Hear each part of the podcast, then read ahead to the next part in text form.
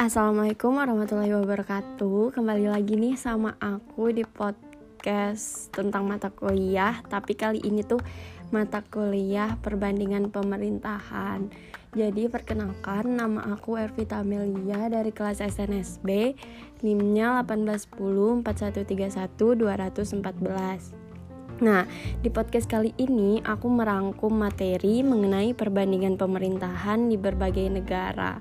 Jadi, kayaknya kita mulai aja. Sebelumnya, aku menjelaskan sedikit tentang beberapa hal. Yang pertama, ada sistem pemerintahan, yaitu suatu tatanan utuh yang terdiri atas berbagai komponen yang bekerja saling bergantung dan mempengaruhi dalam mencapai tujuan dan fungsi pemerintahan.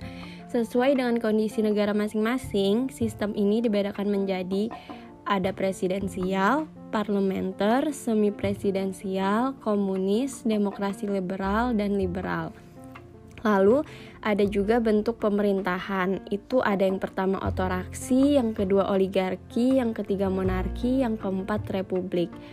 Selanjutnya ada bentuk negara, itu ada republik dan federal. Nah, penjelasannya segini dulu. Kita lanjut tentang pembahasan mengenai perbandingan pemerintahan. Kita mulai membahas antara negara Indonesia dengan berbagai macam negara. Yang pertama itu negara Indonesia. Negara Indonesia ini bentuknya negara kesatuan dengan prinsip otonomi daerah yang luas. Negara kesatuan adalah negara berdaulat yang diselenggarakan sebagai satu kesatuan tunggal. Negara kesatuan menempatkan pemerintah pusat sebagai otoritas tertinggi, sedangkan wilayah-wilayah administratif di bawahnya hanya menjalankan kekuasaan yang dipilih oleh pemerintah pusat untuk didelegasikan. Sistem pemerintahan yang dipakai bangsa Indonesia adalah sistem presidensial. Sistem presidensial itu adalah sistem negara yang dipimpin oleh presiden, presiden sebagai kepala negara sekaligus kepala pemerintahannya. Presiden dan wakilnya dipilih secara langsung melalui pemilihan umum. Selanjutnya kita bahas negara Brazil. Brazil ini negara yang memiliki bentuk pemerintahan republik federasi dengan 36 negara bagian.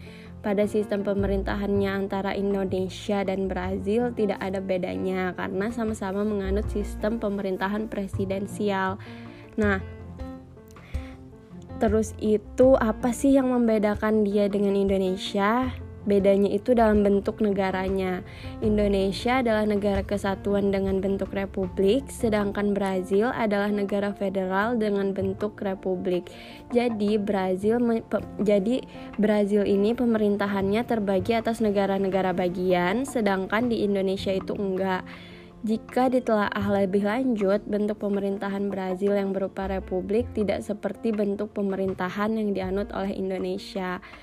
Lalu yang ketiga ada negara India. Pada sistem pemerintahannya, India menganut sistem pemerintahan Republik Federal Parlementer, di mana kepala negaranya adalah presiden dan kepala pemerintahan kepala pemerintahannya seorang perdana menteri. Jadi sangat beda ya dengan Indonesia karena Indonesia menganut sistem presidensial sehingga di Indonesia itu tidak ada menteri di dalam pemerintahannya. Nah, Lalu ada negara Prancis yang menyelenggarakan pemerintahan daerah dengan gabungan prinsip desentralisasi dan dekonsentrasi. Pada saat ini terjadi perubahan dalam sistem pemerintahan Prancis yaitu dari model tradisional yang ditandai dengan ciri sederhana, terpusat, hierarkis, rahasia. Prancis menerapkan prinsip desentralisasi dan dekonsentrasi secara bersamaan untuk pelayanan yang lebih baik. Selanjutnya negara Meksiko. Bentuk negaranya itu federal di mana beberapa negara bagian bekerja sama dan membentuk kesatuan. Bentuk pemerintahannya republik, lalu untuk sistem pemerintahannya Meksiko menganut sistem presidensial.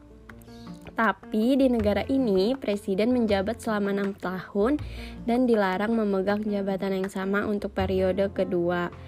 Nah, di Meksiko ini nggak ada jabatan wakil presiden. Jadi kalau misalnya presidennya meninggal atau dilucutkan jabatannya, maka Kongres akan melantik presiden sementara.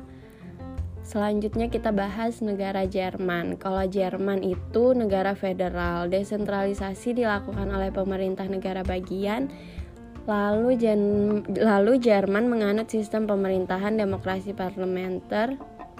Jadi dia lebih jadi dia beda ya sama Indonesia. Kalau Indonesia presidensial, tapi negara Jerman ini unggul dalam beberapa hal seperti dalam perekonomian, transportasi, sains dan teknologi serta pendidikan. Selanjutnya ada negara Belanda. Belanda itu bentuk pemerintahannya monarki konstitusional. Raja atau ratu merupakan kepala negara yang melambangkan persatuan Belanda. Pemerintah negara pada dasarnya terdiri dari tiga institusi utama yaitu Ratu, Dewan Menteri, dan Parlemen. Saat ini yang paling berperan dalam pemerintahan adalah prinsip desentralisasi yang dibagi menjadi dua yaitu desentralisasi teritorial dan desentralisasi fungsional. Setelah itu ada negara Jepang yang merupakan negara monarki konstitusional dengan kepala negara seorang kaisar. Meskipun Jepang merupakan negara monarki, kaisar memiliki batasan sebab bentuk pemerintahan yang dianut adalah monarki konstitusional yang patuh terhadap peraturan perundang-undangan.